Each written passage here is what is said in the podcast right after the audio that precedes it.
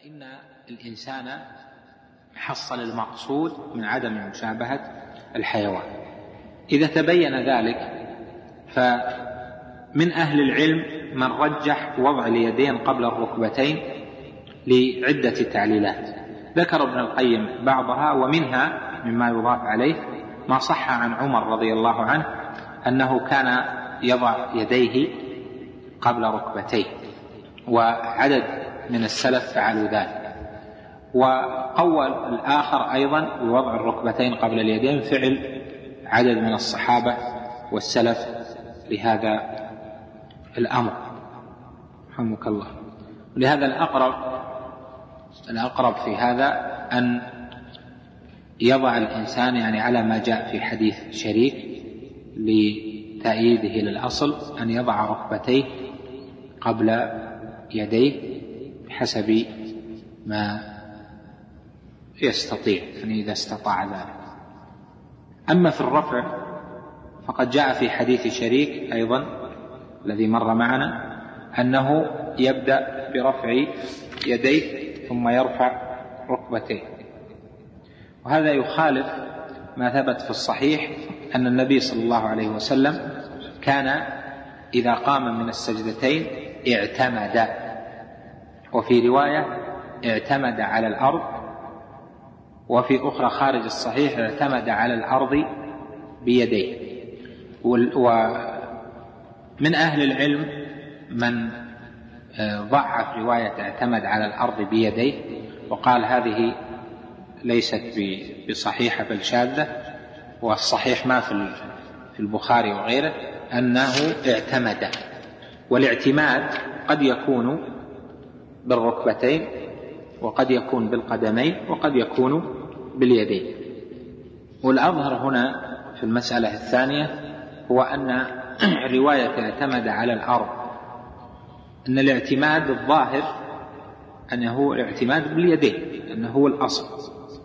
اعتمد ثم قام يعني أن يكون الاعتماد باليدين لأنه الاعتماد على القدمين معروف أن الإنسان إذا قام سيقوم على يعني قدميه أو على ركبتيه يعني لا يحتاج إلى التنبيه على ذلك. فقوله اعتمد ظاهرة أنها الاعتماد على اليدين.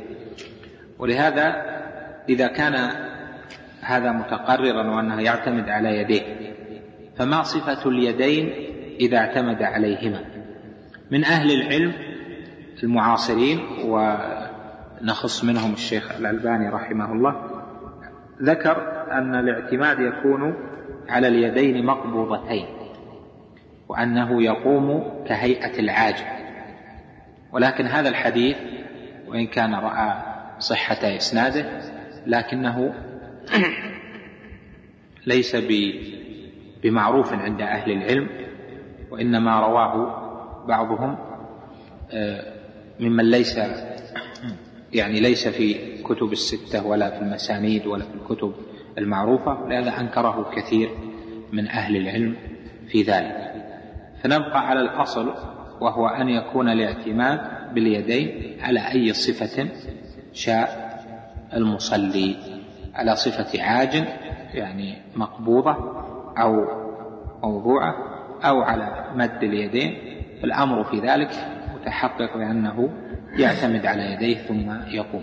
لكن الاعتماد على اليدين للسنة لا لمشابهة البعير. يعني يعتمد على يديه بدون مشابهة. ما يعتمد على يديه ويرفع آخرته ويكون رأسه أسفل لا. يعتمد على يديه ثم يقوم قياما واحدا مستقيما. يعني من جهة البحث الحديثي فيها بحوث كثيرة معروفة. لكن فيما ذكره ابن القيم كفاية إن شاء الله. يعني تلخصنا من ذلك آه، تلخص ثلاث نقاط. أعيدها عليكم. المسألة الأولى أنه يجب عدم مشابهة البعير وأن لا يبرك كبروكه آه، وذكرنا صفته سواء قدم يديه أو قدم ركبتيه. الثانية أن الأظهر أنه يقدم ركبتيه لدلالة فعله على ذلك وتأييده بروايات أخرى بفعل طائفة من السلف. المسألة الثالثة أنه عند القيام يعتمد على يديه لكن مع عدم المشابهة مشابهة البعير في قيامه. والله أعلم. على أن الرسول صلى الله عليه وسلم يحتمل يحتمل. لازم تعرف طبقة يحيى بن سعيد من أي الطبقات هو. يحيى بن سعيد أدب يحيى بن سعيد القطان ولا يحيى بن سعيد المتأخر من أهل الأندلس أو يعني لازم نشوف السند نعرف في أي طبقة هو يحدد هذا معروف ورواه النسائي. ما أكملنا البحث. النسائي روى في السنن بإسناد قوي أن النبي صلى الله عليه وسلم كان يرفع يديه بين السجدتين. وقواه الحافظ في الفتح فيما أذكر. قال هو أقوى ما يعتمد عليه في ذلك. لكن هذا آه، محمول على النادر أنه ربما يفعل. لكن خلاف السنة الظاهرة المعروفة المنقولة في أنه يرفع ثلاثة مواضع أو الأربعة مواضع المعروفة. قد فعل يعني يمكن أنه فعلها على حسب الحديث الذي في النساء أنه كان يرفع في كل خفض ورفع بين السجدتين. ربما فعل لكن ليس هو السنة المشهورة يعني. لعل الإمام أحمد آه، أراد أن يعمل بما جاء في الرواية. الإمام أحمد كان شديد المتابعة. يعني كل ما جاء في الحديث وصح إسناده يعمل به ولو مرة. لابد يعمل به ولو مرة. يعني وهو يصلي بنفسه أو في أي سنة من السنن. حتى إنه قال رحمه الله في كلام الله. يقول ما من سنة من السنن علمتها إلا عملت بها. ما خلا سنة واحدة. يقصد بالسنة يعني الرواية مو شرط أنها تكون مستحب يعني أو هدي. ما خلا سنة واحدة وهي أن النبي صلى الله عليه وسلم لما هاجر اختبأ في غار ثلاثة أيام. قال فما وجدت لذلك سبيلا حتى جاءت الفتنة فاختبأت في غار ثلاثة أيام. رضي الله عنه ورحمه. وهذا هو الذي ينبغي على طالب العلم أنه يطبق السنة بحسب ما وردت إن السنة الظاهرة مستمر عليها النبي صلى الله عليه وسلم يستمر عليها.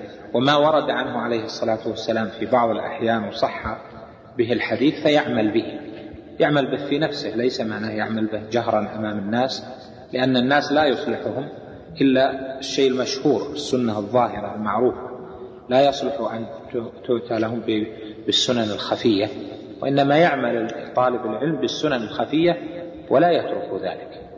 و وهذا هو الذي ينبغي عليه سواء عن سنن الصلاة أو الأذكار أو آه، أنواع التعبدات الأخرى. أو حتى الهدي الهدي العام فإنه يعمل به ولو قل العمل حتى لا يكون علم شيئا ولم يعمل به. أعاننا الله وإياكم على الخير والهدى. نكتفي بهذا القدر. ما في شك يدخل. من الساعد يقول ما في شك يدخل فيه دخل أعظم من ذلك. يعني ببناء المساجد على القبور وبناء القباب والبدع والمحدثات والمعاصي والربا وحتى مشابهة أولئك في في أنواع طريقة الأكل وطريقة الهدي واللباس والمشي والسفر والدعايات. يعني أشياء كثيرة في آه، عند قوله لتتبعن سنن من كان قبلكم ذكر الشيخ سليمان بن عبد الله في التيسير كلاما حسنا. قال حتى في الفراغ عن العمل يوم الجمعة ترك الناس التجارة والعمل يوم الجمعة مشابهة لأهل الكتاب في ذلك. طبعا بعض المشابهة تكون مثل ما ذكرنا لكم محرمة وبعضها قد لا تكون لكن وقوع المشابهة حصل. وذكر النبي صلى الله عليه وسلم حتى لو دخلوا جحر ضب إلا دخلتم دخول جحر الضب مو محرم. لكن حتى لو دخلوا هذا الأمر اللي تنكره الطباع وينكره صاحب الفطرة وصاحب العقل لو حصل وهو ليس بمحرم فإنه سيفعل الناس من هذه الأمة نسأل الله العافية بالنسبة للخوف خوف من الجن يخاف من الجن بدون تقرب له يدخل في الخوف الطبيعي ولا التعبدي؟ كيف؟ يدخل في الخوف الطبيعي ولا التعبدي؟ اللي هو إيش؟ الخوف من الجن بدون تقرب لهم كيف يعني يخاف إنه يؤذيه؟ مثلا انتقل من بيت إلى بيت. إيه الذوق في البيت الأول. إيه انتقل البيت الثاني اسال الله يستر دخل طبيعي ولا تعبدي؟ لا خوف تعبدي هذا طبيعي. طبيعي. هذا خوف طبيعي. يعني يخاف أن يؤذوه. إيه. هذا طبيعي. إذا قامت الأسباب؟ ضابط احسن يعني التعبد.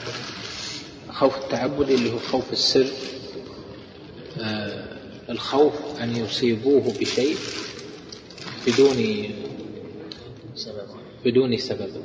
يعني يقول لا سبب لا أذوه لا جاء يعني مثل إحنا جالسين والله الحين أخاف جني يجي ويضربني أخاف.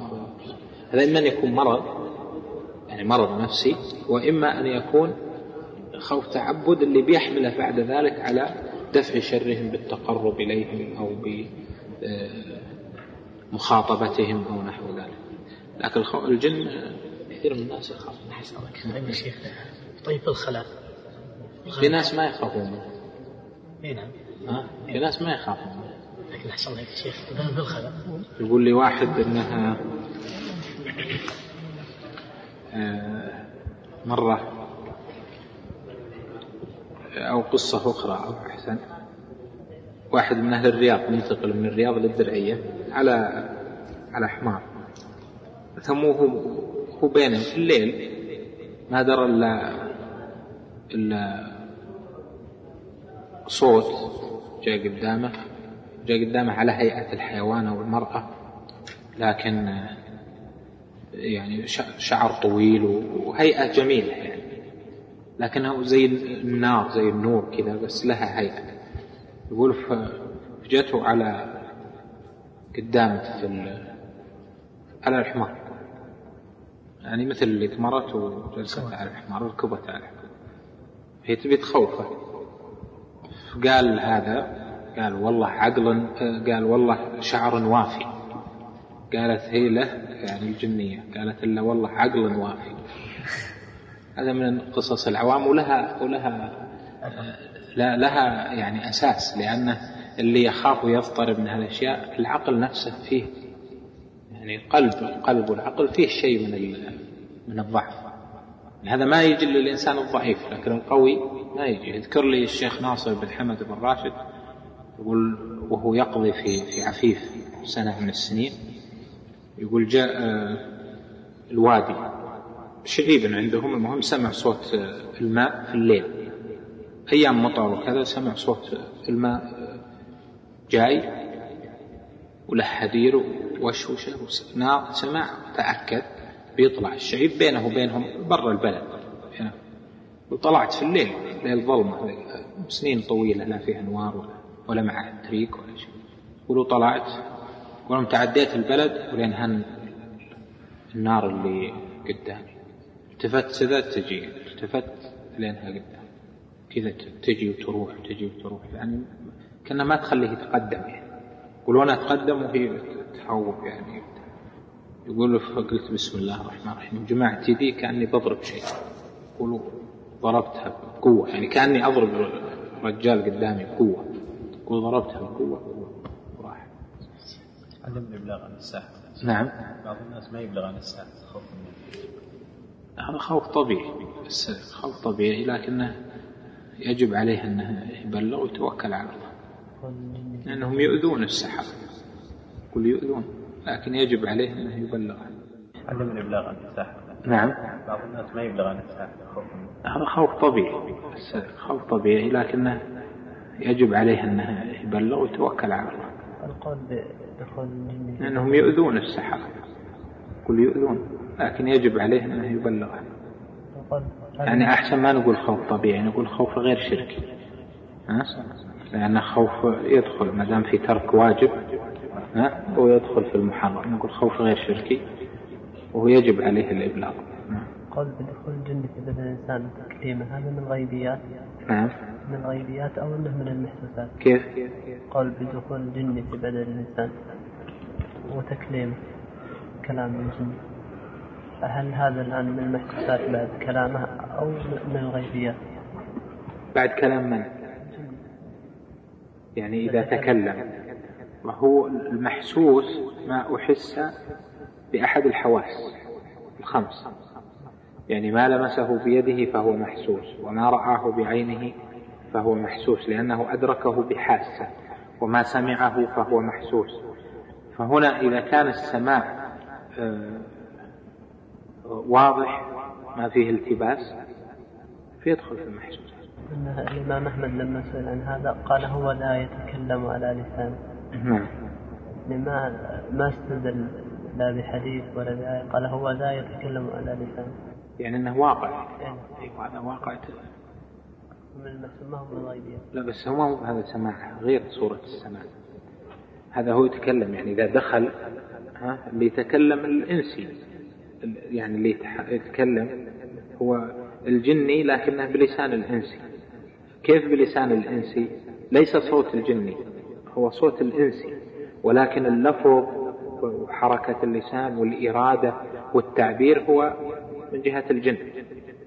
ويذكر أهل أهل القراءة والرقى أنه ربما جاء رجل دخلته جنية فكان صار صوته صوت امرأة. وربما كانت امرأة دخلها رجل جني فصار صوتها صوت رجل يذكرون هذا لكن الشائع أن اللسان والصوت هو صوت الإنسان طبيعي صوت وحركة اللسان. لكن التعبير والإرادة وال- والكلام؟ إنما هو من الجن. من يتمسك بأنه من الغيبيات الجن ما يرى وأنه لابد من دليل. هو هو من الغيبيات ما في شك. من الغيبيات لكن وجود المعين هذا صار من الحسيات. ليس أصل ليس كل الجن من الحسيات. الحس- الجن داخلين في الغيب. ما في شك لأنهم غائبين لأنهم غائبون عنه لكن هذا المعين الذي تكلم طبعا تكلم وسمع غير الصورة اللي اللي تكلم وسمعه سمعه بنفسه. هذا يدخل في الحسيات أما إذا كان يدخل في المصروع فهنا دخل لا من جهة السماع دخل من جهة رؤية أثره? أثره على المصروع الذي منه كلام المصروع أو كلام الجن بلسان المصروع. الصورة الثانية اللي ذكرت لك أولا اللي هو مثلا إنسان- بعض الناس يسمع قرينة ينفذنا يسمع. أحيانا شيء كلام سريع وأحيانا ينفذنا يعني ها؟ يا شيء يغشى يسمع يسمع شيء. هذا حسبه هو يكون رجل عاقل لا فيه مرض نفسي ولا فيه آه، يعني خبل ولا رجل بكامل قوة قدرات. رجل سوي يعني له خواف وله رجل سوي. فهذا في حقه في حقه المعين أصبح وجوده محسوسا. لكن ما نجعل هذه الحالة وجوده صار حسي عند الناس كلهم. فيكون إنكاره إنكار الحسيات؟ لا. ظاهر إنكار إنكار لجنسه من الحسيات؟ لا. لا هو غيبي. اللي عين اللي رأى بعد وليس عند غيره. يعني أنت لو رأيت أنا أنكرت آه، مسألتي ترجع إلى إنكار أصل المسألة. لا هذه آه، يعني هذه الصورة لا أصل المسألة. لكن أصل مسألة الدخول ما هو بإنكار لجنس هذا الأمر؟ أو كيف؟ لأن أصل إنكار دخول الجن من نعم. غيبية. مسألة هي ما هي حسية واستدلال الإمام أحمد قوله لا يتكلم يعني لأنه رآه. هو وهو خبر ثقة خبر صدق ويصدق من رآه. يعني أن مثلا دخول الجن في الإنس ما رأينا أنا رأيت مرة خروج لكن الدخول ما رأيت خروجه يعني منه في عند أحد القراء رأيته. لكن دخوله فيه ما رأيت أحسن الله إليك فلهذا في حق من رأى يكون محسوسا لأنه شاف أثره. لكن في حق من لم يرى أحد حالين إما أن يصدق بخبر اللي رأى وهذا معنى كلام الإمام أحمد وإما أن يصدق بأصل المسألة لما جاء فيها من السنة. والآثار وشهادة العدول بحصولها. تواتر ذلك. إذا دليل المسألة السنة والآثار ما تكون قضايا إيه. عينين هو تواتر تواتر حصولها في الناس. فيه تواتر لكن من جهة خبر. تواتر حصولها في الناس ونقل الناس أن هذا حاصل وأن دخول الجن في الإنس حاصل. وليست قضايا عين ما أدري وش تصل إليه. تعميم تعميم أنه يمكن دخوله يمكن دخوله ما في شك. هذا ما في شك أنه يمكن. هو اللي أنكره أنكر إيش؟ ينكر الدخول يقال له أنها أنكر قضية عينية أو أنكر نفس المسألة التي ثبتت. بحسب حاله. وقد ينكر قضية عينية. أنا مثلا قد يقول واحد والله هذا هذا فيه جني أقول ما هو بصحيح. وليس إنكارا لأصل دخول الجن في الإنس لكن هو يقول هذا جني وأقول له هذا هذا عنده انهيار عصبي ولا عنده ازدواج الشخصية ولا مرة يتكلم كلام حرمة مرة يتكلم كلام رجال عنده انفصام مرة يصير رجل بكامل ال- الصفات ومرة يصير طفل بكامل الصفات. ظاهر؟ فيه. هذا متعلق بال- بالعين نفسه. يعني معروف. نعم. الله إليك. نعم. ما ما يجوز إنكار الاصل غلط منهم وبدعه نعم. لا فيه في أدلة في خمس أدلة من السنة. النبي صلى الله عليه وسلم صح عنه أنه أتي له برجل مجنون يعني به جن به مس ففتح فاه ونفث فيه وقال أخرج عدو الله إني رسول الله. أخرج عدو الله فإني رسول الله. فخرج منه وقام يمشي في الناس كأن لم يكن به بأس. في عدد من الأحاديث ثم شهادة الثقات كثيرة. معروف في كثير ينكرون حتى آه، الله يغفر له الشيخ علي الطنطاوي أظن كان ينكرها و... واللي كان يقرأ شو اسمه الحمري بعد الأخير أنكرها يعني في من ينكر. إيه. إيش؟ كيف يعني؟ إنه ما يدخل؟ يعني هو يدرسه هو اختار المنهج ولا المنهج موضوع ويفسرون إنه ما يدخل. ما هي بالأدلة تغير الصوت وهي الدليل فقط. ممكن يفسر أشياء كثيرة لكن لكن أصل وقوع الدخول حالات كثيرة جدا جدا. إيه. المسألة بحثها معروف ولذلك لو كانت هي من العقائد أو من إنكار الغيب صار إنكار الكفر. ها؟ لذلك أنا قلت لك أنه غلط بدعة يعني إنكاره لأنه ما عرف في المسلمين إنكاره إلا في المئة الثانية أو أواخر المئة الثانية الثالثة لما ظهر أهل العقلانيين والاعتزال. يقال من اعتزال فهي من مسائل العقائد هي من مسائل العقائد. إنما هو غلط ومخالفة للسنة وبدعة الله عليك يقال من اعتزالية ابن حزم لأنها ردها بالعقل وهذا الحزم وافق المعتزلة في كثير كرامات في إنكار السحر وينكر السحر أصلا. وعلى آله وصحبه أجمعين. قال المصنف رحمه الله تعالى ونفعنا بصالح علمه وقد وقد روى ابن خزيمة في صحيحه من حديث مصعب بن سعد عن أبيه قال كنا نضع اليدين قبل الركبتين فأمرنا بالركبتين قبل اليدين. لا لو تب... هذا البحث خلاص نعم. مر قليلا. نعم. وكان النبي صلى الله عليه وسلم يسجد على جبهته وأنفه دون كور العمامة.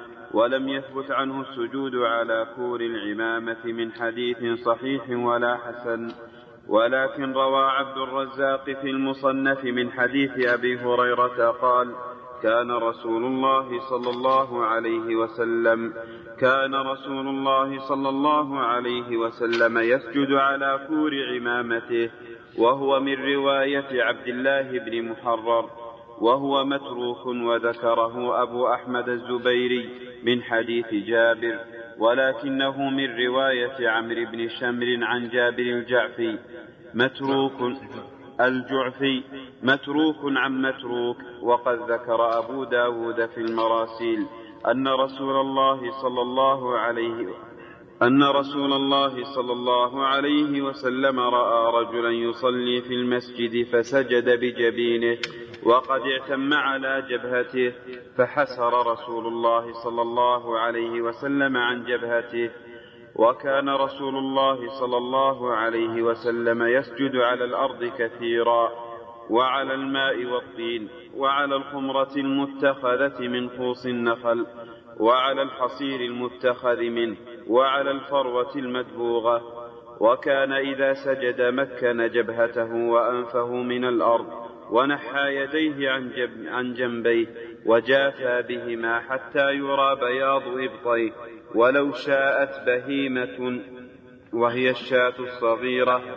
ولو شاءت بهمة وهي الشاة الصغيرة أن تمر تحتهما لمرت وكان يضع يديه حذو منكبيه وأذنيه.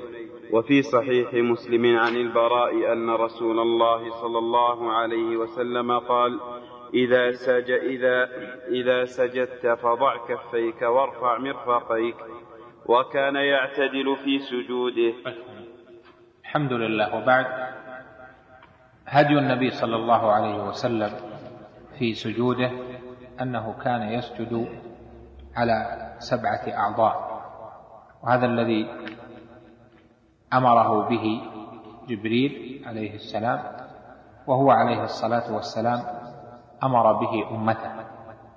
ففي الصحيحين عنه عليه الصلاة والسلام أنه قال أمرت بالسجود على سبعة أعظم.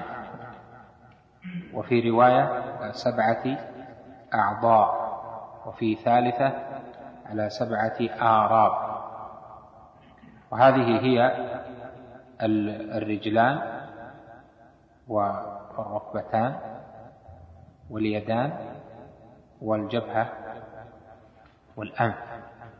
وسجوده على الجبهة سجود الإنسان على الجبهة والأنف سجود المسلم على الجبهة والأنف معا واجب لأن هذا هو المأمور به وهو الذي امتثل به النبي صلى الله عليه وسلم الأمر. ومن الأوجه التي يعرف بها الوجوب أن يكون فعله عليه الصلاة والسلام امتثالا للأمر. قد أمر أن يسجد على سبعة أعضاء فسجد وكان منها الجبهة والأنف معا. كان يمكن أنفه وجبهته عليه الصلاة والسلام من الأرض. فهذا يدل على أن السجود على الجبهة والأنف معا أنه واجب. والجبهة السجود عليها متفق عليه لكن الأنف فيه خلاف. هل الأنف واجب أو هو تبع للجبهة؟ بحيث إنه إذا سجد على الجبهة أجزأ عن الأنف. والصحيح أنهما عضو واحد لكن يجب أن يسجد عليهما معا لأنه في الحديث عدهما واحد. أدهما عضوا واحدا ولكن بامتثاله عليه الصلاة والسلام وفعله أنه سجد عليهما معا. وأما سجوده عليه الصلاة والسلام على كور العمامة فإن هذا لم يصح كما ذكره العلامة ابن القيم رحمه الله هنا. ولو سجد على كور العمامة فإن السجود يجزئه إذا مكن أنفه من من الأرض. وذلك أن السنة دلت على أن ما يفصل الجبهة عن الأرض له عدة أحكام.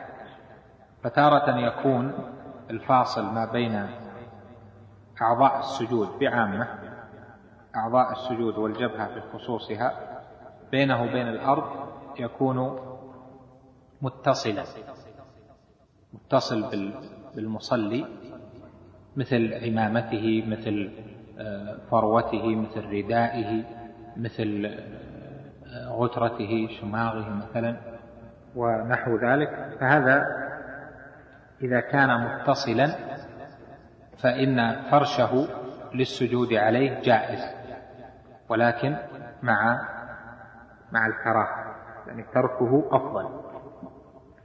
الصورة الثانية أن يسجد يجعل بينه وبين الأرض شيء منفصل ليس من أجزاء التي لبس وإنما مثل الفرش الآن والحصير وأن يبسط شيئا يسجد عليه ونحو ذلك فهذا جائز بلا بلا كراهة لفعله عليه الصلاة والسلام في ذلك. طبعا في الأول إذا كان مكروها أن يجعل بينه وبين الأرض حاجزا مثل مثلا آه، كور العمامة هذا مكروه أو مثل الغترة يفرشها ويسجد عليها أو مثل الرداء. إذا كان مكروها فإن المكروه تزول كراهته لحاجة إما لعارض برد أو حر أو غبار أو رائحة أو ما أشبه أو وسخ أو ما أشبه ذلك. فإنه آه، تزول الكراهة مع وجود الحاجة. والحالة الثالثة أن يفصل بين بينه وبين الأرض ببعض أعضاء السجود. يعني مثلا يجعل بينه وبين الأرض يده. يعني يسجد على يديه ويجعل اليد نفسها عضو السجود بين الجبهة وبين والأنف وبين الأرض. هذا لا يجوز. ولا يعد ساجدا على الأعضاء السبعة لأن سجود كل عضو منفصل عن سجود الآخر وهو جعل السجود لأحدهما دون الآخر. وأما وضع اليدين فالنبي صلى الله عليه وسلم إذا سجد جعل يديه حذو منكبيه أو حذو أذنيه كحالته إذا أراد أن يرفع يديه في تكبيرة الإحرام.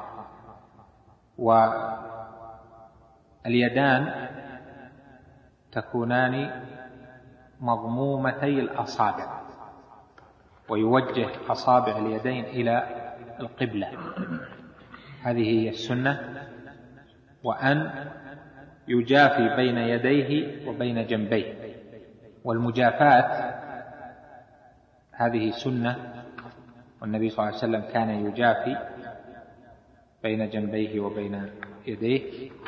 المجافاة تكون بين أعضاء السجود يعني يجافي أعضاء السجود عن البدن حتى يكون السجود على سبعة آراب بكماله. والمجافاة سنة لو تركها آه، لم يسئ ولكنه ترك الأفضل. فمثلا في اليدين المجافاة تكون بشيئين. الأول أن لا يقرب آه، يديه من من وجهه جدا بل تكون بعيدة شيئا.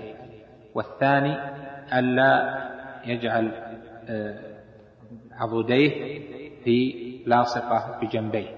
طبعا هذا في حال السعة لكن إذا كان في حال المراصة والإمامة يعني الائتمام فإنه قد لا يمكن يمكنه ذلك. كذلك مجافاة البطن عن الركبتين.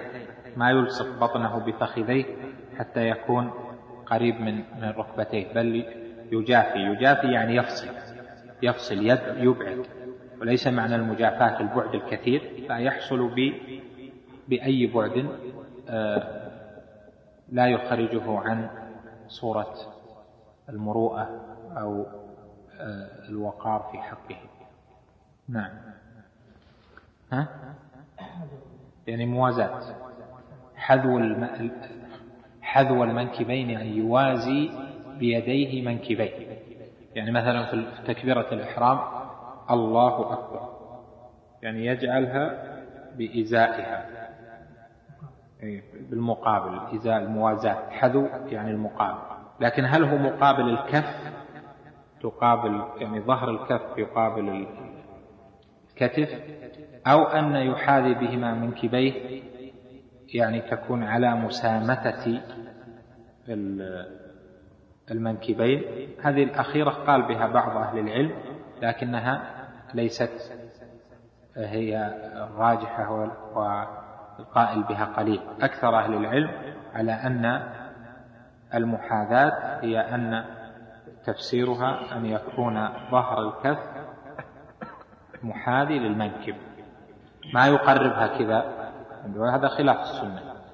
ولا يبعدها. هذا أيضا خلاف السنة. أن تكون حذو المنكبين يعني بإزاهما كل واحد بحسب حاله.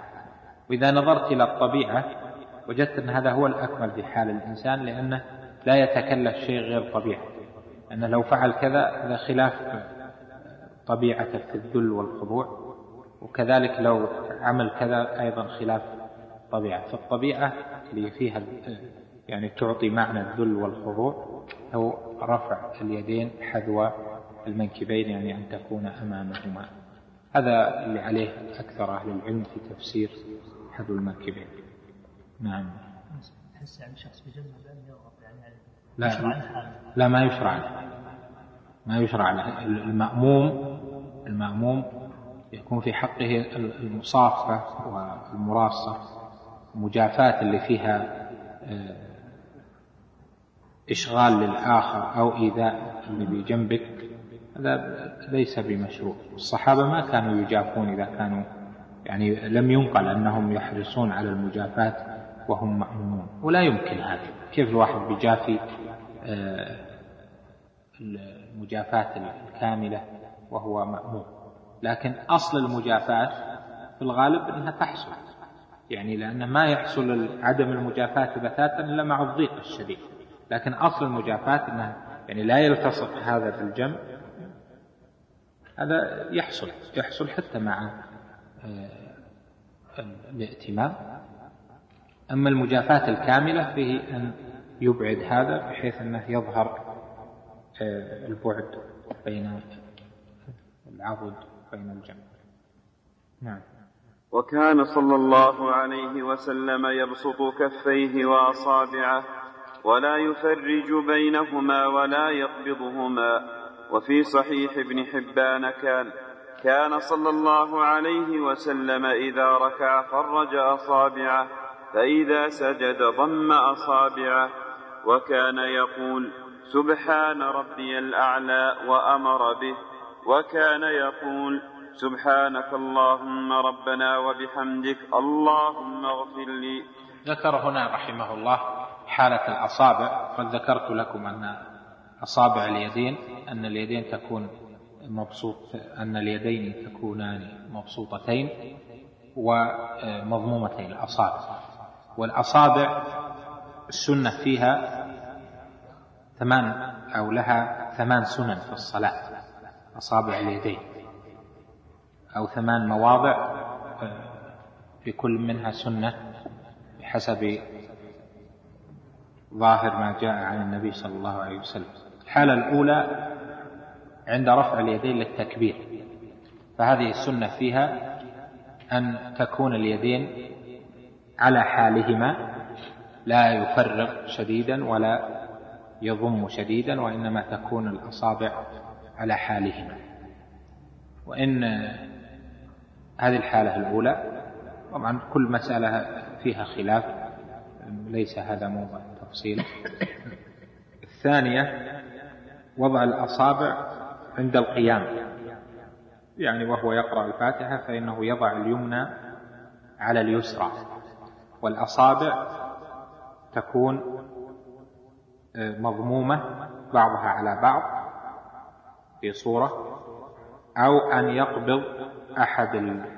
أن يقبض اليسرى باليمنى قبضا أو أن يبسط أصابع اليد اليمنى على ذراع اليد اليسرى يعني هكذا. الحالة الثالثة إذا ركع فإنه يقبض ركبتيه بيديه مفرجتي الأصابع. يعني مثل الماسك ماسك على ركبتيه بيديه مفرجة الأصابع. الحالة الثالثة الرابعة هو عند السجود آه، مثل ما ذكرنا هنا يبسط يديه مضمومتي الأصابع. الحالة الخامسة بين السجدتين بين السجدتين فإنه يجعل أصابعه على حالهما على طبيعته. لا يقصد الضم ولا يقصد التفريق بل تكون على حالهما. الحال السادسة إذا جلس للتشهد الأول فإن أصابع اليد اليسرى تكون مضمومة على فخذه اليسرى وأصابع اليد اليمنى فيها عدة صور. أو عدة سنن منها أن يقبض الجميع يضم الجميع ويشير بالسبابة إشارة دون تحريك ومنها أن يعقد ثلاثا وخمسين يعني يحلق ويشير اللي قبلها هكذا والثانية أن يعقد ثلاثا وخمسين. ثلاث وخمسين اللي جاءت في الحديث قال فعقد ثلاثا وخمسين ها؟ فعقد ثلاثا وخمسين فثلاث وخمسين هذه لغة عند العرب باليدين الأرقام. معروفة كل الأرقام باليدين تشار. المقصود هكذا هذه ثلاث وخمسين. آه هذه الصورة كم؟ السادسة. السادسة. السابعة في التشهد الأخير. نعم. السابعة السابعة في التشهد الأخير فإنه إذا تورك إذا تورك فإنه يجعل اليد اليسرى يقبض بها ركبته اليسرى ويجعل اليمنى على فخذه اليسرى كحالتها في التشهد الأول. والحالة الثامنة الأخيرة عند السلام فإن أصابع اليدين مع اليدين تكون في حالة في حالة ساكنة لا يحرك اليدين ولا يفرج بين الأصابع حتى يسلم. هذه ثمان حالات ذكرها أهل العلم وظاهر السنة يدل عليها وفي بعضها خلاف. لا تكون على حالهما حتى ينتهي. على حالهما حتى ينتهي. يعني ما يرفع إنه كان كان موجودا الرفع ثم نسخ؟ قال ما لي أرفع أراكم ترفعون أيديكم كأنها أذناب خيل شمس أو شمس يعني ارفعوا الآن قد تجد من يقول هكذا ها؟ قد تجد من يقول إذا خلص ها من من يقول هكذا قد تجد أنه بعد التورك يعني قبض إذا جاء قارب السلام جعلها هنا. لا هي السنة أن تبقى حتى تسلم. يبقى كل شيء على وضعه حتى تسلم. فإذا فرغت من السلام انتهى. نعم. هذه ما أعرفها أن يجعله تحت المرفق؟ لا. إنما اللي أعلم أنها ثبت ثلاث صفات. هكذا. واحدة والثانية القبض والثالثة اللي جت في حديث سهل بن سعد أن تجعل قال والرسغ والسعد يجعل على بعضها. أو القبض أو الوضع. ها؟ كيف تحريك لا الإصبع لا يحرك. يشار به تشير بالإصبع يعني في التشهد تشير بالإصبع دون تحريك. تحريك لا يصح. تحريك الإصبع لا يصح. شاذ. وإنما الثابت في رواية عدد كثير يعني يعني في حديث فأشار بإصبعه رواية الجماعة على أنه أشار دون تحريك وأما زيادة أشار بإصبعه يحركها هذه زيادة شاذة لا تصح. الصلاة؟ ما أعرف أحسن كتاب لكن الكتب كلها حسنة. أصل كتب السنة الحديث. إذا ضممت إليها كتب الفقه آه، صار عندك معرفة بالمسائل. وكان صلى الله عليه وسلم يقول سبحان ربي الأعلى وأمر به. وكان يقول سبحانك اللهم ربنا وبحمدك اللهم اغفر لي. وكان صلى الله عليه وسلم يقول أمر بسبحان ربي الأعلى نعم. في عدة أحاديث. منها أنها لما نزلت سبح اسم ربك الأعلى قال اجعلوها في سجودكم. ومنها أنه قال للذي علمه الصلاة وقل في سجودك سبحان ربي الأعلى. مو في حديث المسير وكان صلى الله عليه وسلم يقول ربك؟ لا. لا لا. الصيغة سبحان ربي الأعلى. لا تقل سبحان الرب الأعلى ولا سبحان الله الأعلى ولا سبحان ربك الأعلى لأنها مناجاة. وأنت الآن تعترف بالذل والخضوع وتنزيه الله جل وعلا عن النقائص. نعم. ما تجزي ما يجزي إلا سبحان ربي الأعلى. طبعا بالنسبة لتنويع الذكر. سبحان ربي الأعلى واجب. واجب. ثم بعده إذا أراد أن يستعمل من الأذكار ما جاء في السنة أو أن يدعو من الد... بما شاء من الدعاء بما فيه خير الدين والآخرة لا بأس. تنويع الأذكار الجمع بينها يدخل فيها. ما فيه معنى ما فيه معنى لا السجود. يعني على قدر القراءة. فهل يكتفي بهذا أو يقول هذا؟ لا لو جمع ما في شيء لأنه جاء فيها الحديث الطويل اللهم ربنا لك الحمد ملء السماوات وملء الأرض. وفيها الحديث الآخر ربنا ولك الحمد حمدا كثيرا طيبا مباركا فيه.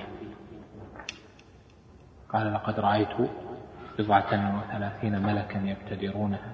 مقصود السنن متعددة بعضها يرجع إليه البحث في الجمع أما السجود فلا إذا جمع الأذكار ما شاء السجود يطول فيه المرء ما شاء.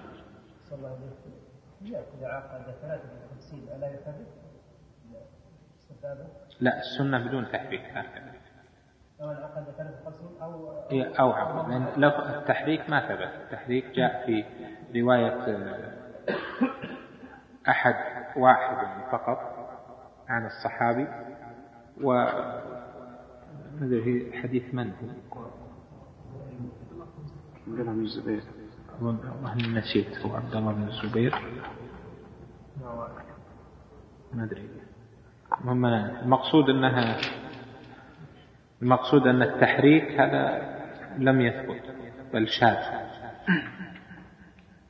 والصحيح أنه يشير هذه رواية الجماعة ومعروف في كتب أهل الحديث يشير بلا تحريك بس إشارة. طيب يعني ربما يكون صحيح ما أدري. رواية عن الإمام أحمد ما أعرف. لكن السنة ما ثبت فيها تحريك السنة اللي ثابت فيها الإشارة فقط دون تحريك نعم. يشير. أما يحرك قال يحركها ثم يشير بإصبعه شديدا هذا خلاف عاد. هل هو الإشارة تكون ب... بأنه يحنيها قليلا؟ مثل ما جاء في رواية النسائي قال وحناها قليلا أو يشير بها شديدا. يعني هكذا ولا يحنيها هذا خلاف. إذا كان جاءت يشير شديدا معناه أنه يرجح ال- الإشارة يعني يص- يصلبها. أو يحنيها قليلا هذا اللي جاء في الرواية.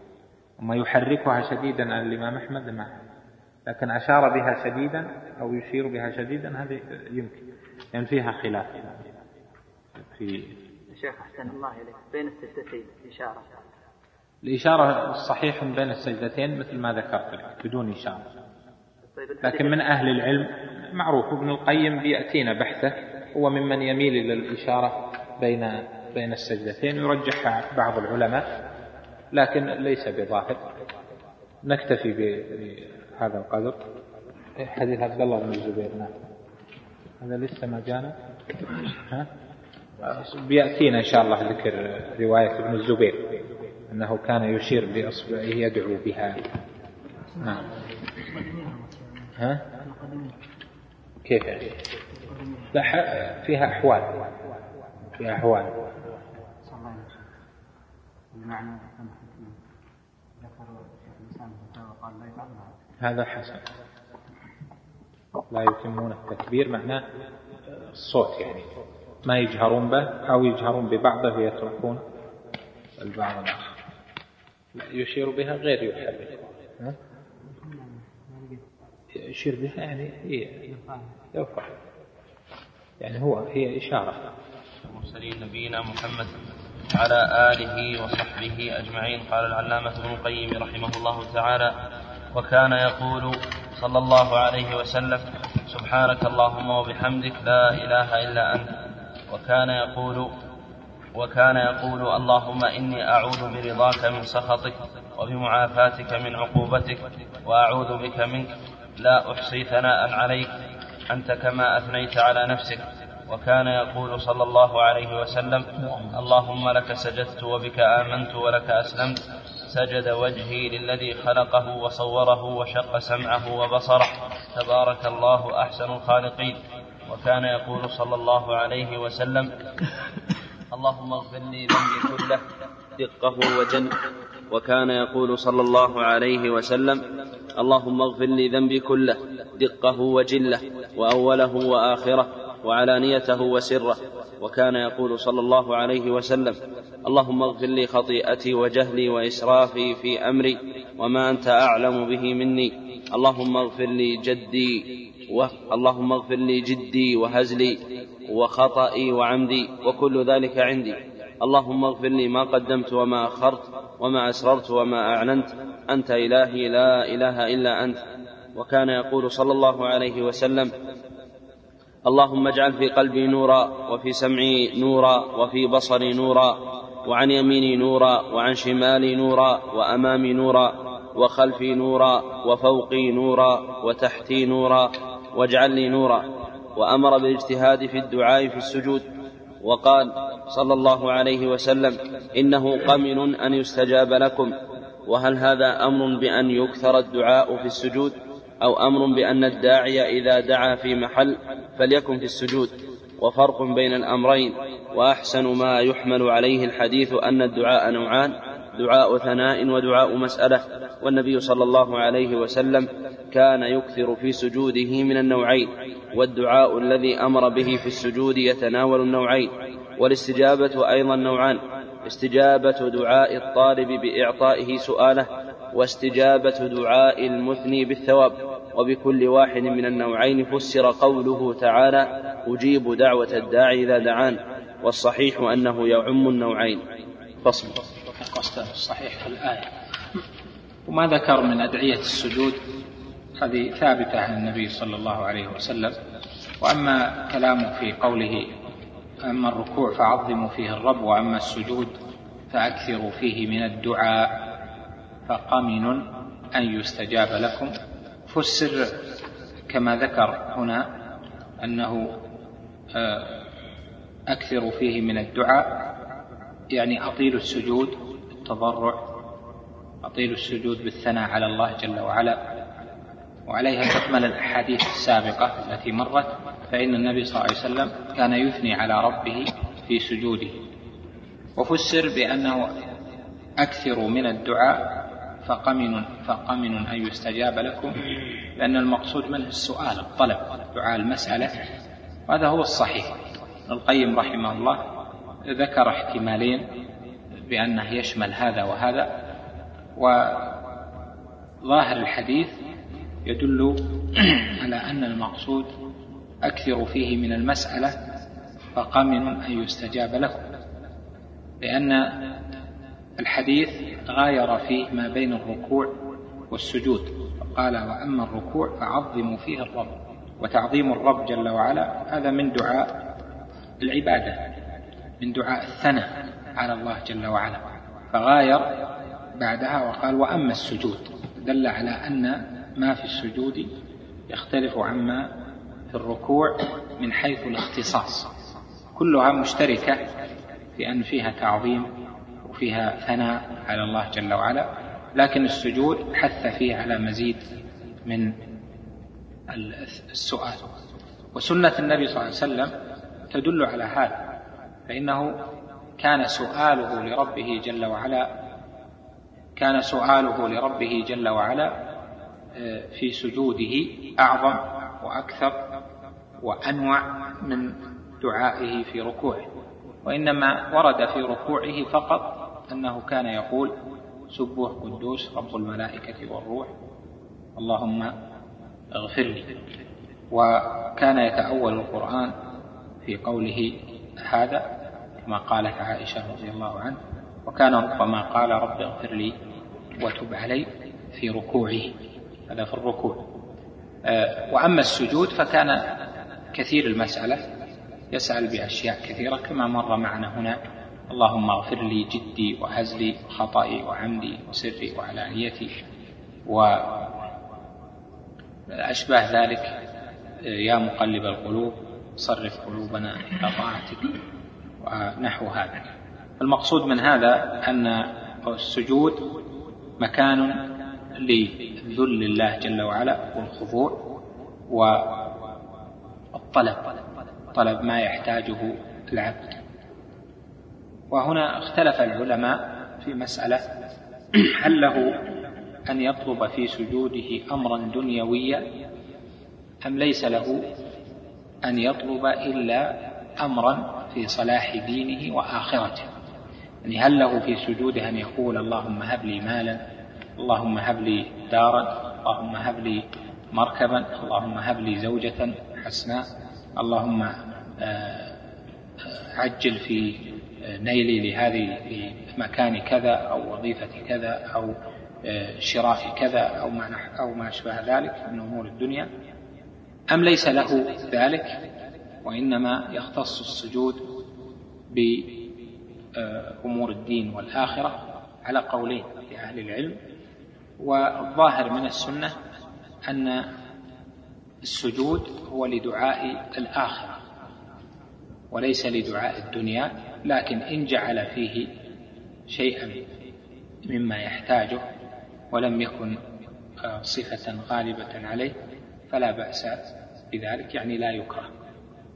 لكن إن غلب عليه في سجود سؤال الدنيا فهذا آه، مما يكره له لأن السجود ذل وخضوع لله جل وعلا وفيه أعظم المطالب وهو صلاح الدين والآخرة. لهذا قال جمع من الفقهاء أنه إذا أراد أن يسأل شيئا من الدنيا فيجعله في آخر صلاته يجعله في آخر صلاته يعني بعد الصلاة على النبي صلى الله عليه وسلم لقوله فيها ربنا آتنا في الدنيا حسنة وفي الآخرة حسنة وقنا عذاب النار. أما ما ذكره ابن القيم على قوله آه، أجيب دعوة الداعي إذا دعان وأنها فسرت بالوجهين يعني دعاء المسألة ودعاء العبادة فهذا ظاهر. يعني أجيب دعوة الداعي إذا دعان يعني أجيب عبادة العابد إذا عبدني. وإجابة العبادة بمعنى الإثابة عليها والأجر عليها. وفسرت أجيب دعوة الداعي إذا دعان يعني أجيب سؤال السائل وطلب الطالب إذا سألني وطلب. فتكون الأولى بمعنى الإثابة أثيب من عبدني. تكون الثانية أعطي من سألني. والصحيح كما ذكر العلامة ابن القيم أن الآية تشمل الأمرين. لأن الدعاء في القرآن نوعان دعاء عبادة ودعاء مسألة. فصل وقد اختلف الناس في القيام والسجود أيهما أفضل. فرجحت طائفة القيام لوجوه أحدهما أن ذكره أفضل الأذكار فكان ركنه أفضل الأركان. والثاني قوله تعالى قوموا لله قانتين الثالث قوله صلى الله عليه وسلم أفضل الصلاة طول القنوت وقال الطائفة السجود أفضل واحتجت بقوله صلى الله عليه وسلم أقرب ما يكون العبد من ربه وهو ساجد. وبحديث معدان بن أبي طلحة قال لقيت ثوبان مولى رسول الله صلى الله عليه وسلم فقلت حدثني بحديث عسى الله أن ينفعني به فقال عليك بالسجود فإني سمعت رسول الله صلى الله عليه وسلم يقول ما من عبد يسجد لله سجدة إلا رفع الله له بها درجة وحط عنه بها خطيئة. قال معدان ثم لقيت أبا الدرداء فسألته فقال لي مثل ذلك. وقال رسول الله صلى الله عليه وسلم لربيعة بن كعب الأسلمي وقد سأله مرافقته في الجنة أعني على نفسك بكثرة السجود. وأول سورة أنزلت على رسول الله صلى الله عليه وسلم سورة اقرأ على الأصح وختمها بقوله واسجد واقترب وبأن السجود لله يقع من المخلوقات كلها علويها وسفليها. وبأن الساجد أذل ما يكون لربه وأخضع له. وذلك أشرف حالات العبد. فلهذا كان أقرب ما يكون من ربه في هذه الحالة. وبأن السجود هو سر العبودية فإن العبودية هي الذل والخضوع. يقال طريق معبد يقال طريق معبد أي ذللته الأقدام ووطئته وأذل ما يكون العبد وأخضع إذا كان ساجدا. وقال الطائفة طول القيام بالليل أفضل وكثرة الركوع والسجود بالنهار أفضل. واحتجت هذه الطائفة بأن صلاة الليل قد خصت باسم القيام. لقوله تعالى قم الليل وقوله صلى الله عليه وسلم من قام رمضان إيمانا واحتسابا ولهذا يقال قيام الليل ولا يقال قيام النهار قالوا وهذا كان وهذا وهذا كان هدي النبي صلى الله عليه وسلم فإنه ما زاد في الليل على إحدى عشرة ركعة وهذا كان هدي النبي صلى الله عليه وسلم. فإنه ما زاد في الليل على إحدى عشرة ركعة أو ثلاث عشرة ركعة. وكان يصلي الركعة في بعض الليالي بالبقرة وآل عمران والنساء. وأما بالنهار فلم يحفظ عنه شيء من ذلك بل كان يخفف السنن. وقال شيخنا رحمه الله الصواب أنه ما سواء والقيام أفضل بذكره وهو القراءة والسجود أفضل بهيئته فهيئة السجود أفضل من هيئة القيام وذكر القيام أفضل من ذكر السجود وهكذا كان هدي رسول الله صلى الله عليه وسلم. وقال شيخنا الصواب أنهما سواء والقيام أفضل بذكره وهو القراءة والسجود أفضل بهيئته فهيئة السجود أفضل من هيئة القيام وذكر القيام أفضل من ذكر السجود. وهكذا كان هدي رسول الله صلى الله عليه وسلم فإنه كان إذا أطال القيام أطال الركوع والسجود كما فعل في صلاة الكسوف وفي صلاة الليل. وكان إذا خفف القيام خفف الركوع والسجود وكذلك كان يفعل في الفرض. كما قاله البراء بن عازب كان قيامه وركوعه وسجوده واعتداله قريبا من السواء والله أعلم. هذه المسألة سمعتم ما فيها وهي التفضيل ما بين القيام يعني طول القيام وطول السجود وأيهما أفضل قيام العبد لربه جل وعلا تاليا كتابه مناجيا له بكلامه جل جلاله أو هو سجوده لله جل وعلا في ذل وخضوع مثنيا على الله جل وعلا معظما له متقربا إليه بأنواع الذكر والثناء والتعظيم.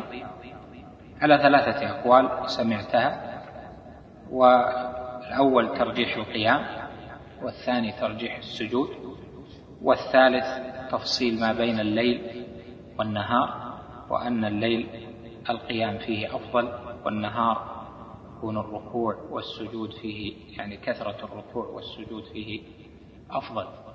وهذه المسألة ذكر لك بعدها قول شيخ الإسلام ابن تيمية وهي من مسائل التفضيل.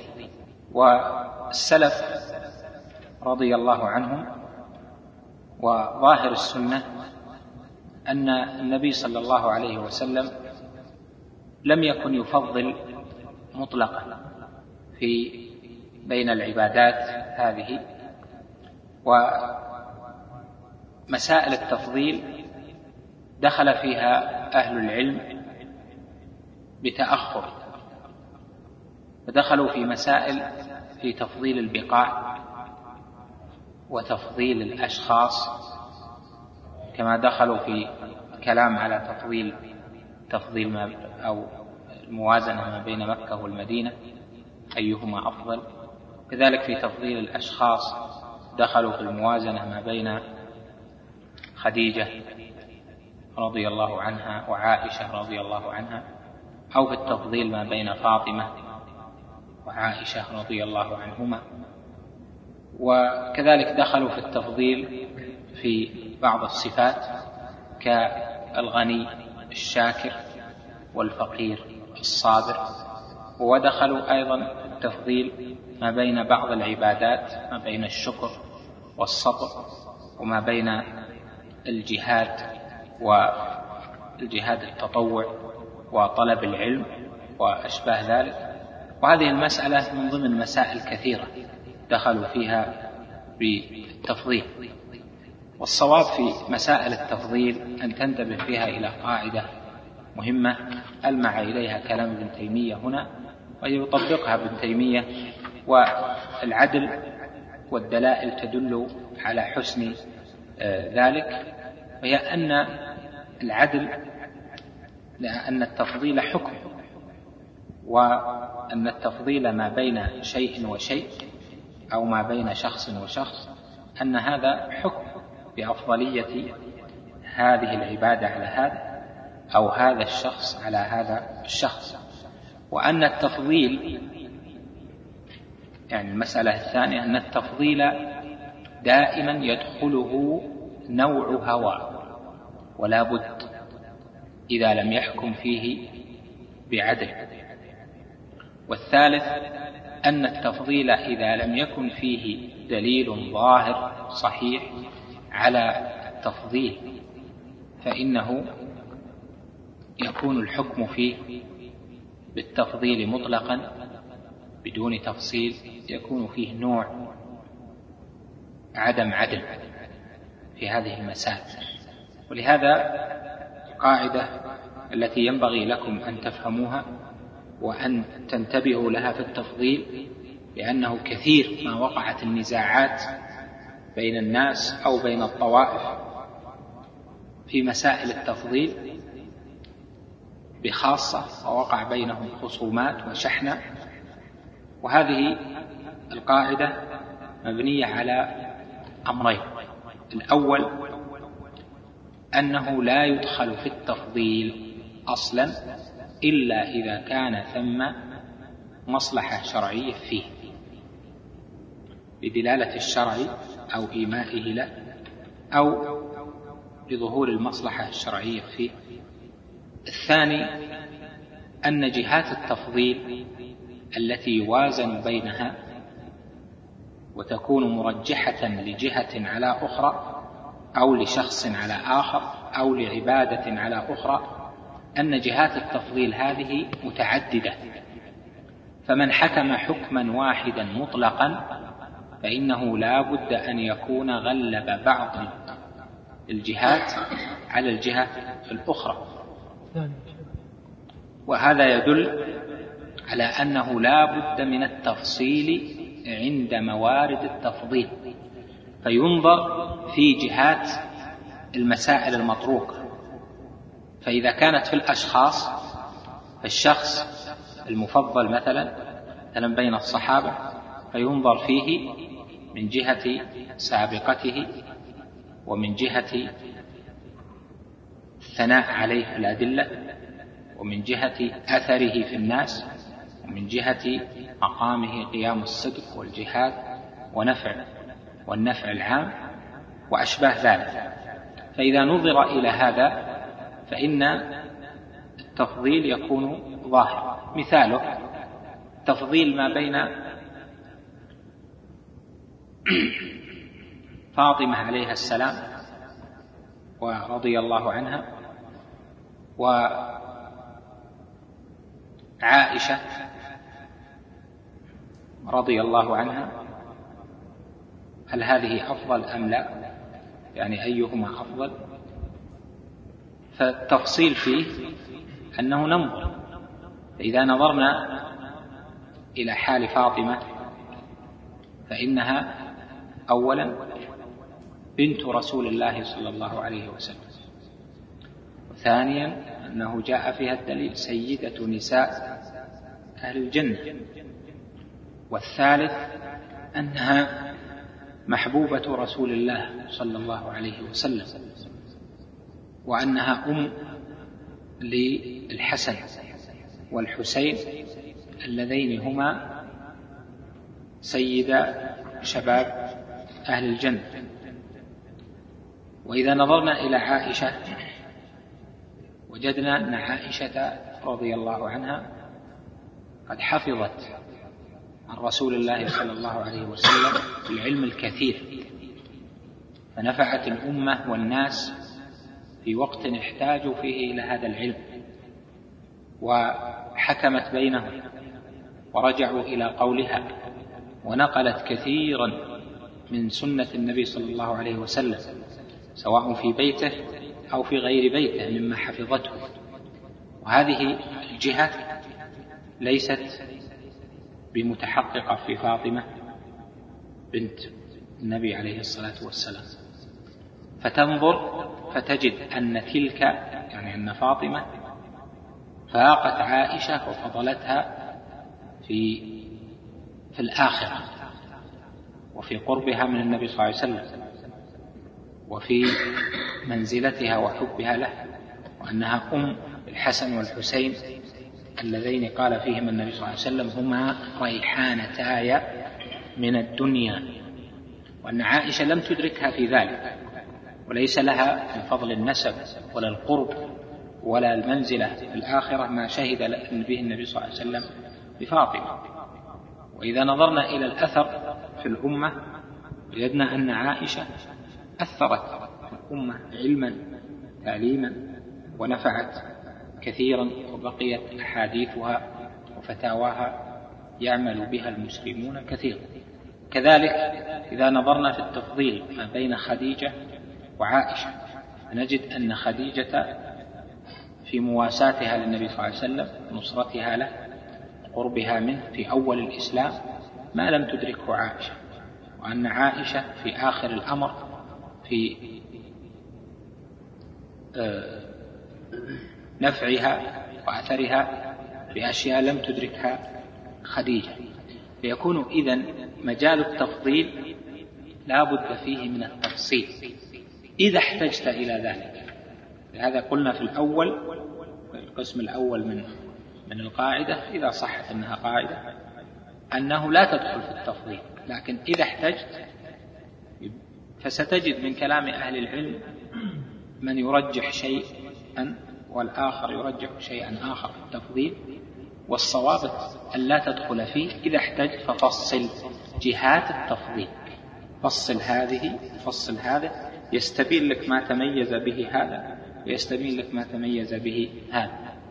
مثاله أيضا مسألة الغني الشاكر والفقير الصابر وأن الغني الشاكر هل هو أفضل؟ ولا الغني الفقير الصابر منهم من قال بهذا ومنهم من قال بهذا. والصواب التفصيل لأن الغني الشاكر قد يكون معه من التقوى والعبادة والإيمان ما يكون أعظم من الفقير وعكسه الفقير الصابر قد يكون معه من التقوى والإيمان والعبادة ومع الصبر ما يكون أفضل فيه من الغني ولذلك كان أصح القولين آه، أو العدل في ذلك أن أفضلهما أتقاهما لله جل وعلا وأقومهما بحدوده جل جلاله وبما يحبه ويرضاه. هذه المسألة التي عندك من المسائل. لهذا ابن تيمية في جوابه بنى على هذا الأصل الذي ذكرناه وهو أنه نظر في جهة التفضيل. فنظر ففصل فقال إذا نظرنا للقيام فإن القيام فيه القراءة. التي هي القرآن ولا شيء أفضل من عبادة القيام عبادة من عبادة فيها الكلام فيها كلام الله جل وعلا وتلاوة كلام الله جل وعلا فهذا من جهة ما فيه من جهة الذكر الذي فيه فالقيام أفضل. وإذا نظرنا إلى الهيئة فهيئة السجود أفضل لأنها أعظم تعظيما لله جل وعلا وأكثر ذلا لله جل وعلا من حيث الهيئة.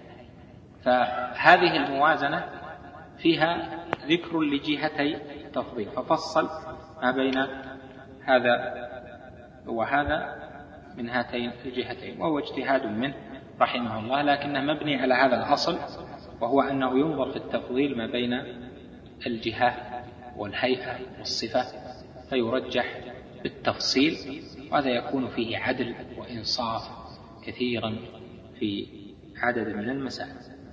هذا في المسائل العلمية القديمة. أما إذا نظرنا إلى مسائل الأشخاص مثلا بالمناسبة نستطرد. أجد أن من الناس من يقول فلان أفضل أو فلان أعلم والثاني يقول لا فلان أعلم وقد يختلفان ويؤدي اختلافهما إلى شيء في النفوس. مثل ما اختلف الناس هل الشافعي أعلم أو الإمام أحمد أعلم؟ أو هل الشافعي أفقه أو مالك أفقه؟ وأشبه ذلك مما يدخل ولا بد الهوى فيه. لا بد أن يدخل الهوى لأن جهات التفضيل في الواقع متعددة. فيه جهة للتفضيل من جهة كل علم على حدة. هل فلان أعلم معناه في كل علم؟ ثم في من جهة التقوى والعبادة. هل هو أفضل تعلم عن حقيقة عبادته تقواه إلى آخره ثم الثالثة ما نتيجة التفضيل ما نتيجة الموازنة. هذا أفضل ولا هذا أفضل. ليس وراءها نتيجة شرعية آه، مطلوبة. لهذا عدم الخوض في التفضيل هو الأصل. لا تخف في التفضيل إلا إذا كان ثم مصلحة شرعية فيه في المسائل العلمية المعروفة فتدخل فيه بعدل وانتبه لا يدخل الهوى والرغبات والميول آه، لشيء. دائما الحنابلة مثلا يفضلون الإمام أحمد والشافعية يفضلون الإمام الشافعي والمالكية يفضلون الإمام مالك. كل واحد يكتب في مناقب إمامه الشيء الكثير وكلهم أهل لكل منقبة وأهل لكل فضيلة. ولكن ما فائدة التفضيل؟ لا فائدة من ورائه. فهؤلاء الأئمة ورثونا علما واتباعا وسنة ومن أخذ بما أخذوا به فإنه على خير. أما هذا أفضل وهذا أعلم أو هذا كذا هذه مسائل لا ينبغي الدخول فيها لأنها ليس فيها مصلحة. شرعية وليست مطلوبة شرعا. قال العلامة الإمام ابن القيم رحمه الله تعالى فصل. ثم كان صلى الله عليه وسلم يرفع رأسه مكبرا غير رافع يديه ويرفع من السجود رأسه قبل يديه ثم يجلس مفترشا يفرش رجله اليسرى ويجلس عليها. وينصب اليمنى. وذكر النسائي عن ابن عمر رضي الله عنهما قال من سنة الصلاة أن ينصب القدم اليمنى واستقباله بأصابعها القبلة والجلوس على اليسرى. ولم يحفظ عنه صلى الله عليه وسلم في هذا الموضع جلسة غير هذه. وكان يضع يديه على فخذيه ويجعل مرفقه على فخذه.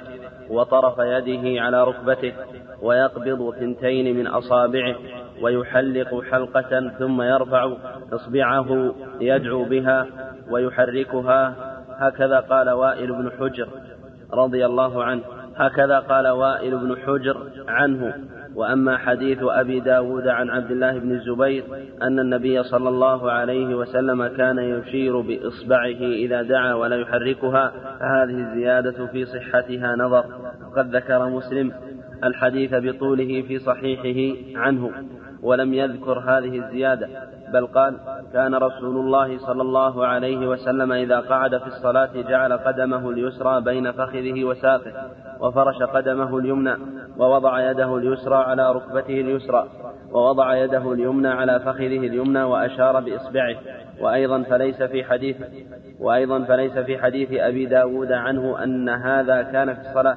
وأيضا لو كان في الصلاة لكان نافيا وحديث وائل بن حجر مثبتا وهو مقدم وحديث وائل وحديث وائل بن وحديث وائل بن حجر مثبتا وهو مقدم وهو حديث صحيح ذكره أبو حاتم في صحيحه ثم كان يقول صلى الله عليه وسلم بين السجدتين وكان يضع يديه على فخذيه وكان يضع يديه على فخذيه ويجعل مرفقه على فخذه وطرف يده على ركبته ويقبض ثنتين من أصابعه ويحلق حلقة ثم يرفع إصبعه يدعو بها ويحركها هكذا قال وائل بن حجر.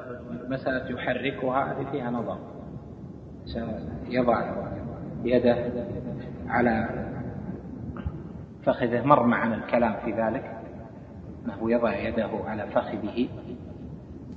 ويحلق يعني يقبض أصبعين ويحلق الاصبعين الوسطى والابهام والسبابة يشير بها. الإشارة بها هل يحركها أو لا يحركها؟ الصحيح واللي عليه الروايات المحفوظة أن الإشارة هي الثابتة. أما التحريك فهي مختلف فيه والأصوب أنه شاذ. ولا يصح تحريك الإصبع وإنما السنة أن يشير بإصبعه السبابة فقط. هذه الإشارة هل يحمي إصبعه معها أم يشير بها شديدا؟ أيضا هذه مسألة خلاف بين العلماء. جاء فيه الانحناء يحميها قليلا وهذه منهم من ضعفها ومنهم من أثبتها يظنها في النساء. والإمام أحمد قال آه، يشير بها شديدا أو آه، يعني يمدها. ومرة قال يحميها.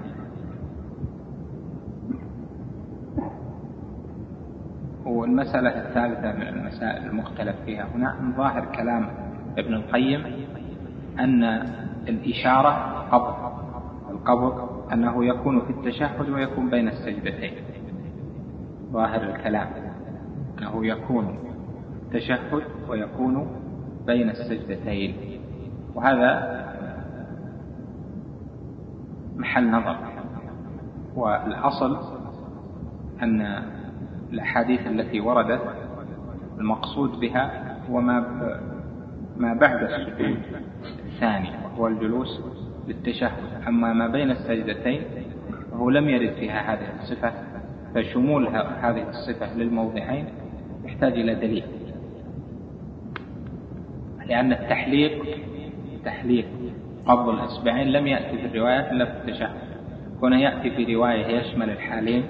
لا يدل لأن المطلق يفسره المقيد في الروايات الأخرى. نعم. اليسرى مثل. لا هذا إذا جلس إذا تورك. إذا تورك فإنه يلقم كفه ركبته. اليسرى إذا تورك. أما لا بالفتح. يعني يفرج بين أصابعه. إذا تورك. أما إذا لم يتورك فهي تكون على على فخذه مضمومة الأصابع.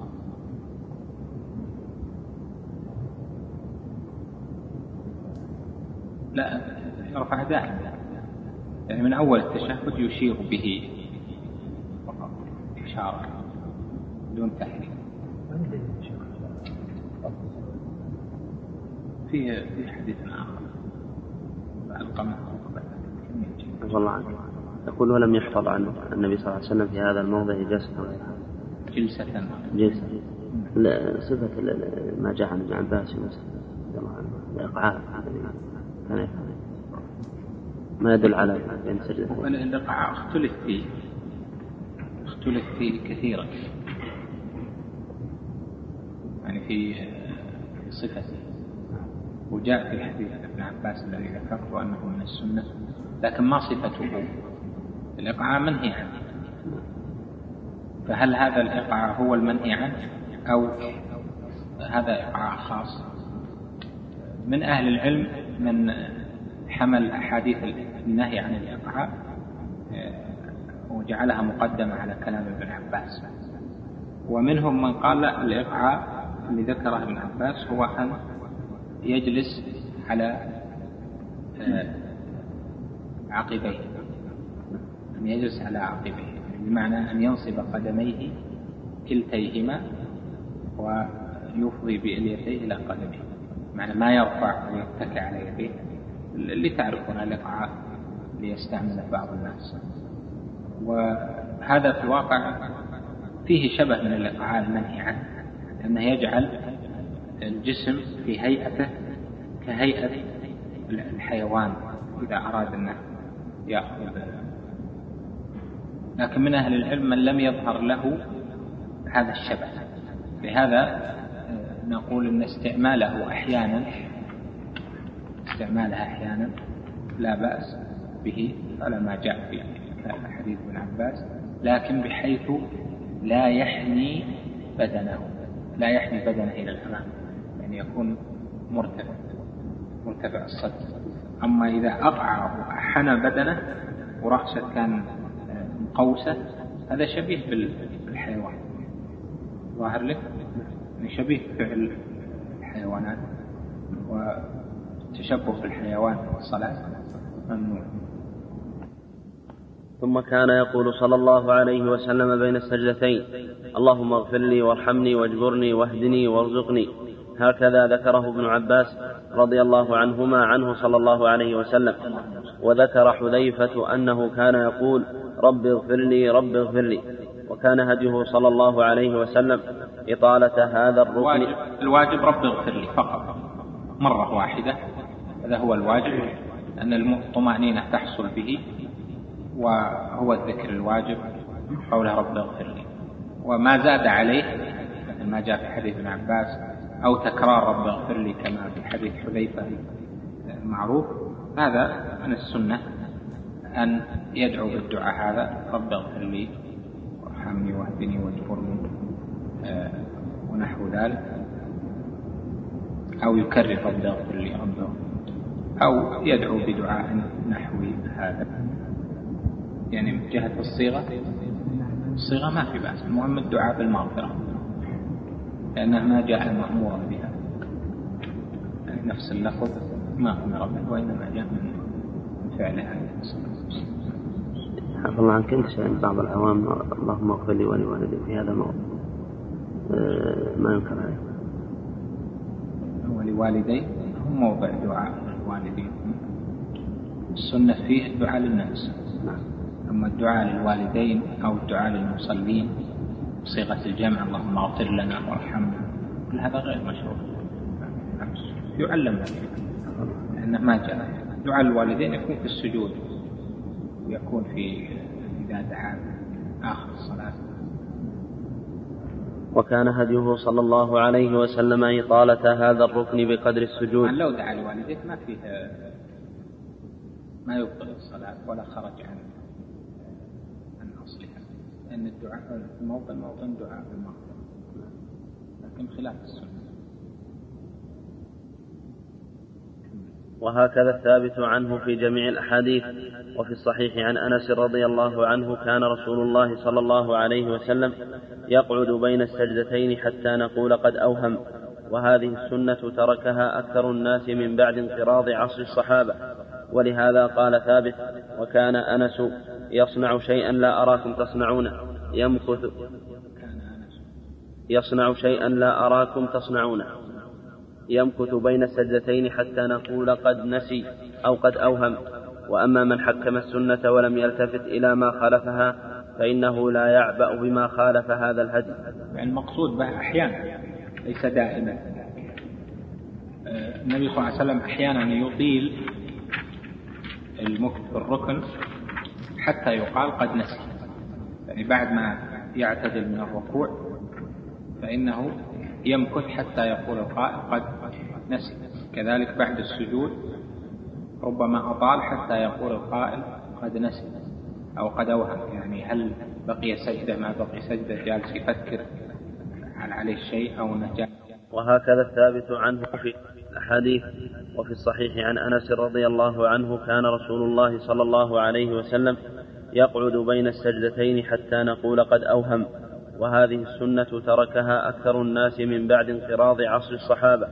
ولهذا قال ثابت وكان أنس يصنع شيئا لا أراكم تصنعونه. يمكث بين السجدتين حتى نقول قد نسي أو قد أوهم. وأما من حكم السنة ولم يلتفت إلى ما خالفها فإنه لا يعبأ بما خالف هذا الهدي. يعني المقصود به أحيانا ليس دائما. النبي صلى الله عليه وسلم أحيانا يطيل المكث في الركن حتى يقال قد نسي. يعني بعد ما يعتدل من الركوع فإنه يمكث حتى يقول القائل قد نسي. كذلك بعد السجود ربما أطال حتى يقول القائل قد نسي أو قد أوهم. يعني هل بقي سجدة؟ ما بقي سجدة؟ جالس يفكر هل عليه شيء أو أنه جالس في التحيات يعني من طول بقائه يظن أنه آه، نسي شيء أما استدامة ذلك فهو ليس ليس هو الأصل السنة أنه يستديم الإطالة حتى يقال قد نسي لكن ربما آه، فعلها النبي صلى الله عليه وسلم ليدل آه، على أن هذه المواضع موضع تطويل ليست موضع تخفيف. كما تعلمون أن بعض المذاهب الحنفية يخففون الحنفية يخففون هذين الموضعين جدا. أخي المستمع الكريم تابع ما تبقى من مادة هذا الشريط على الشريط التالي. مع تحيات تسجيلات الراية الإسلامية بالرياض هاتف رقم أربعة تسعة واحد واحد تسعة ثمانية خمسة. والسلام عليكم ورحمة الله وبركاته.